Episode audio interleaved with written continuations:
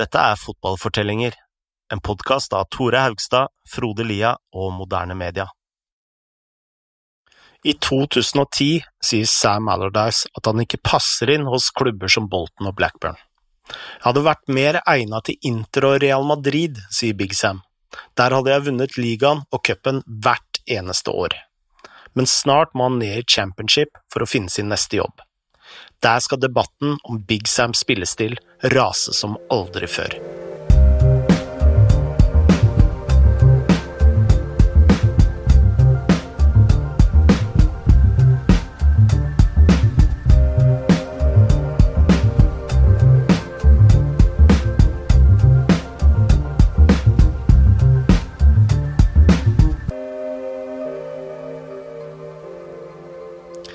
På mange måter en litt eh, desperat Sam Allardyce som eh, sa ja til Westham i 2011. Greit nok, eh, Westham er en stor og historisk klubb, men å dra til championship var et steg bakover og nedover. Ja, det var jo det, iallfall når man så hva Bigsom hadde utretta før. Og vi må jo bare anta at han trodde at han kom til å rykke rett opp igjen med en gang. Um, Westham hadde jo en sterk stall og burde kunne klare det. Så fikk det bare være at uh, ikke alt var helt som det skulle være med fasilitetene. Uh, så ille var treningsfeltet, for eksempel at Ellai sa at han ikke engang var villig til å lufte hunden sin der. Vi har jo sett at Allardyce nå hadde fått et rykte på seg som en direkte og usofistikert uh, trener. På sin aller første pressekonferanse som Westham-sjef gjorde han et veddemål med pressesjefen. Big Sam tippa at uh, det første spørsmålet om spillestil ville dukke opp innen et minutt. Veit du hvor lenge det tok, eh, Tore? Nei. 32 sekunder. Utover i sesongen var aldri Westham på stø kurs mot opprykk, sånn som Big Sam hadde håpet. Um, de endte på tredjeplass og måtte ut i playoff. Heldigvis for Ellice så vant jo den uh, med seier mot Blackpool i finalen, og dermed var Big Sam tilbake i det gode selskapet og nå var eh, Big Sam i flytsonen. I Premier League tok han eh, Westham rett til en eh, tiendeplass, og samme hva slags metode man bruker, så må, må, man vel kalle det en sterk prestasjon for et nyopprykka lag. Absolutt, men så er det jo denne berykta andre sesongen da for nyopprykka lag som skal være så mye tøffere enn den første, iallfall for de som overlever, og dette ble absolutt tilfellet med Westham Halvveis ut i sesongen så lå de under streken og slet med et vanvittig skademareritt.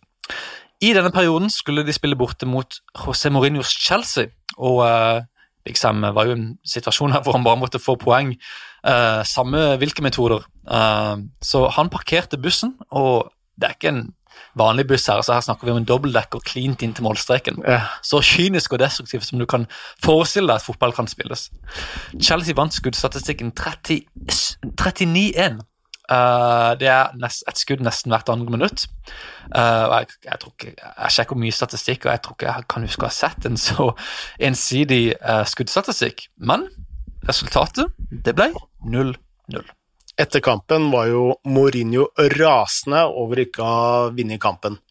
Han sa at eh, Premier League ikke var den beste ligaen i verden likevel, pga. lag som Westham.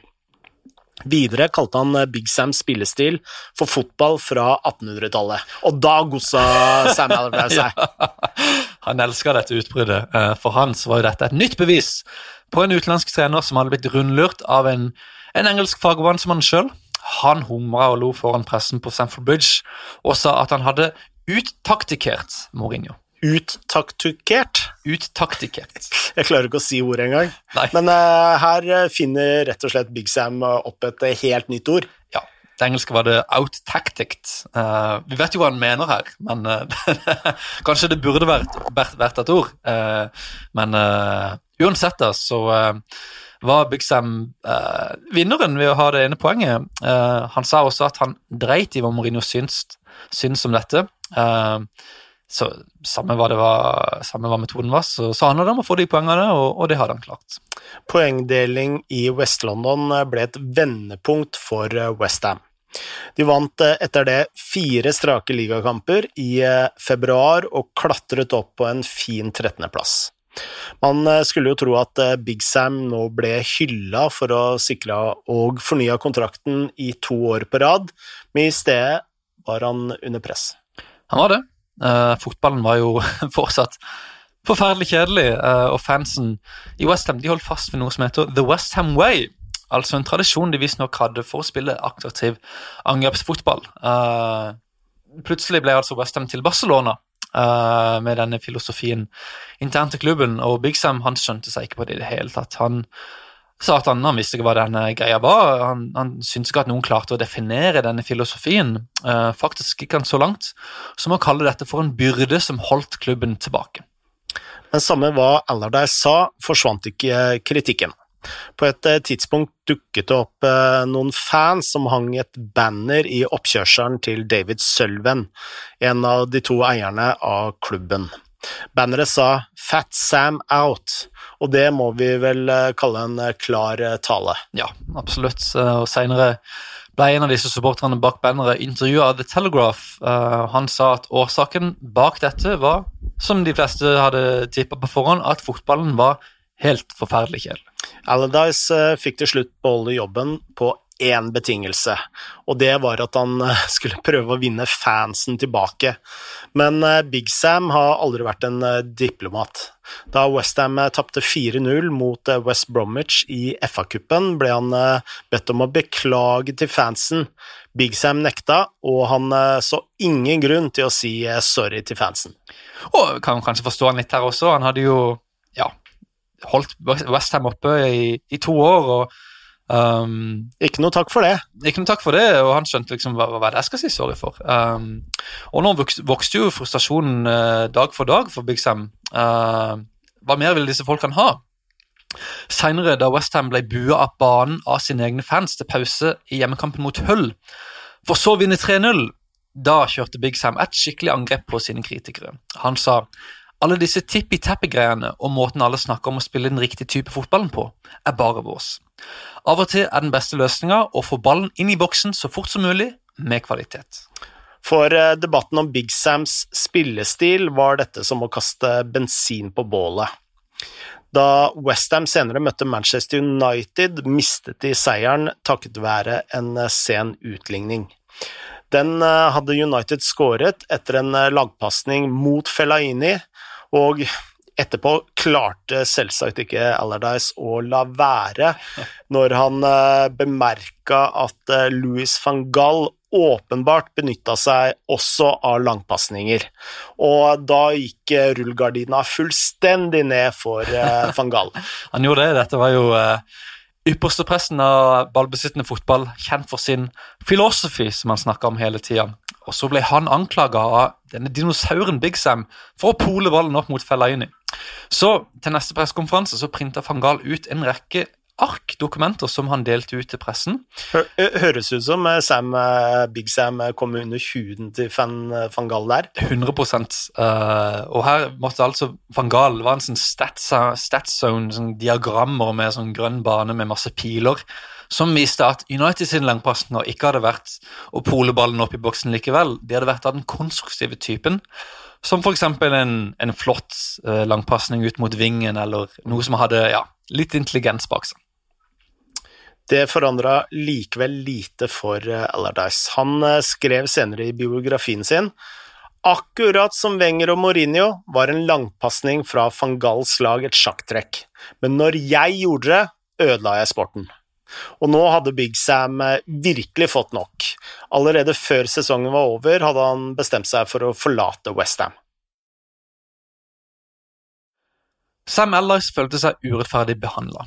Han følte at fotballen hans faktisk ikke var så stygg og direkte som folk sa, og at folk heller oppfatta denne stilen som røff og tøff, fordi Allardyce sjøl var en sånn type. Altså Det var en parallell mellom uh, stil og trenerens personlighet som, mm. uh, som, liksom ikke burde eksistere. Han hadde også funnet opp et kallenavn som forklarte, i hans øyne, hvorfor han ikke hadde fått sjansen i en av de aller største klubbene. Og det navnet var Sam Alardici, altså en eh, italiensk versjon av Alardice. Allardyce. Og dette var en spøk fra Big Sam, men den hadde en alvorlig mening. For han var fortsatt overbevist om at utenlandske trenere stadig fikk de beste jobbene fordi de hadde eksotiske navn. Og da Daily Mail intervjuet ham som Westham-trener i 2013, hadde han faktisk et skilt på døra som sa Ufficio del direttore signor Sam Alardici. Allardyce vurderte nå å gi seg helt som trener, såpass oppgitt var han over den behandlinga han fikk. Men mange beskriver jo også rushet av å trene et fotballag som avhengighetsskapende. Og da han fikk tilbud om å ta over Sunderland, så kunne han ikke dy. Han sa ja. Med forsterkninger i januar klarte Allardyce å tette igjen forsvaret hos et lag som hadde virket fullstendig håpløse den sesongen.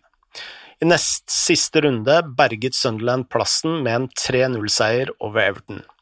Big Sam hadde blitt redningsmannen nok en gang.